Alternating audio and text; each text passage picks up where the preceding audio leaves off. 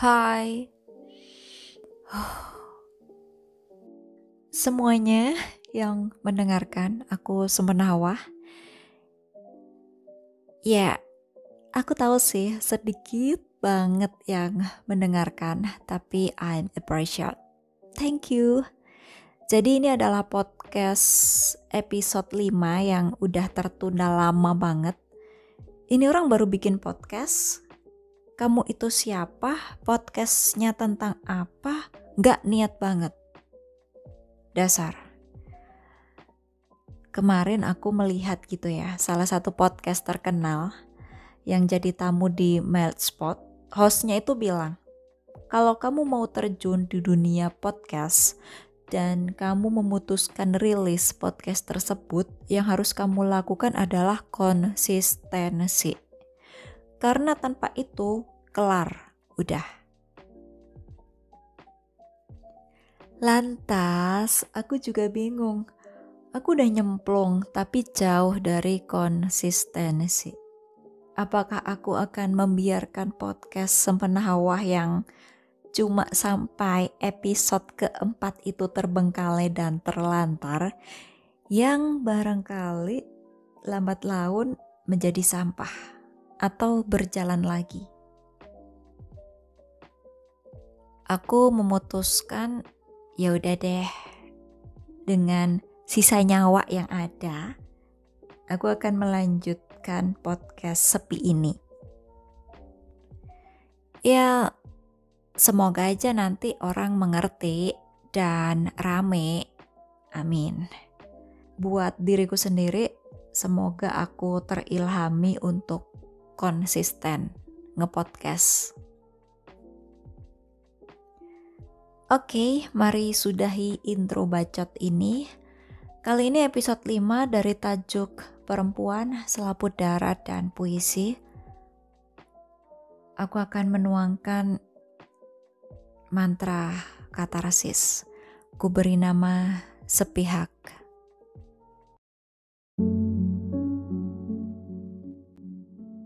Sungguh lega atau malu menyatakan cinta dan terabaikan jika saja tak ku bilang cinta mencari perhatian tatkala mengira-ngira. Mana ada cerita kusut kaget setengah mati adegan nyaris sempurna dalam realita. Bukan salahku, spora jatuh ke tanah subur, berkecambah, tumbuh lembut, begitu lebat. Tak juga salahnya yang tak punya kompos apalagi anorganik. Pengamatan pesimis. Sukacita sudah tak pasti. Hari esok penuh kegilaan.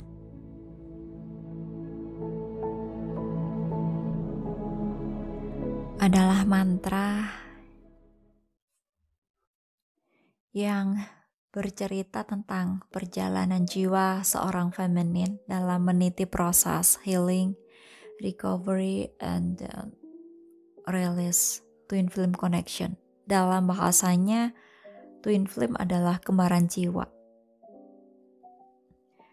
Ketika proses healing selesai, segala beban perasaan telah dilepaskan Feminin merasakan sebuah koneksi baru yang begitu kuat. Namun bagi feminin, segala yang dirasakan adalah elusif. Ketika sosok maskulin lain berusaha mengejarnya, feminin dengan kukuh mengabaikan. Sayangnya, dalam jarak waktu segala perasaan menjadi berbalik. Yang kemudian terjadilah pernyataan cinta terkesan rancu dari seorang feminin kepada maskulin yang baru.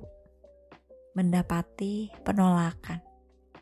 Sesaat perasaan terusir menjadi sepi secara alamiah. Aku menulis sepihak dengan menggunakan kata spora sebagai perbandingan dari jiwa dan emosi manusia.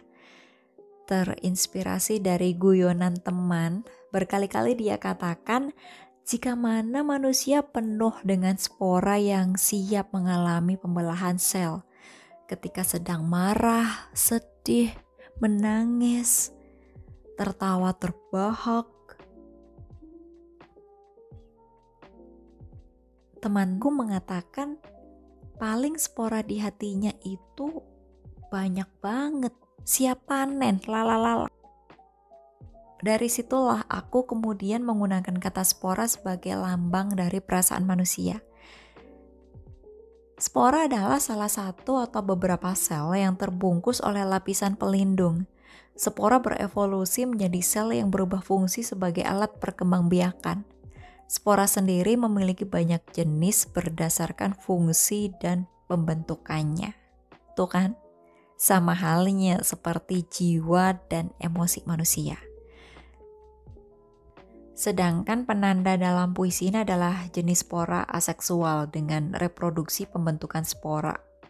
Pembentukan spora berfungsi untuk menyebarkan spesies dalam jumlah besar. Ada narasi pendek. Pada suatu waktu, jutaan spora seksual dilepaskan. Dan ketika spora mendarat di lingkungan yang subur, mereka berkecambah menjadi individu baru. Jenis spora seksual sebagai lambang dari cinta sepihak, di mana cinta itu sendiri telah menyebar ke seluruh jiwa dan tubuh. Sedangkan individu baru aku lambangkan sebagai lahirnya perasaan dan emosi baru yang disebut cinta kasih. Ngomong-ngomong, sedikit mengulas ada perkembangbiakan yang lain secara seksual, namun lebih cocok untuk cinta yang tak bertepuk sebelah tangan. Tuh kan, jadi ngomong panjang lebar tentang spora. Biar panjang aja sih. Namun itulah dibalik baris-baris mantra sepihak. Terima kasih banyak yang sudah mendengarkan. Jangan bosan, Tuhan itu hening, Aku yang berisik, Papa,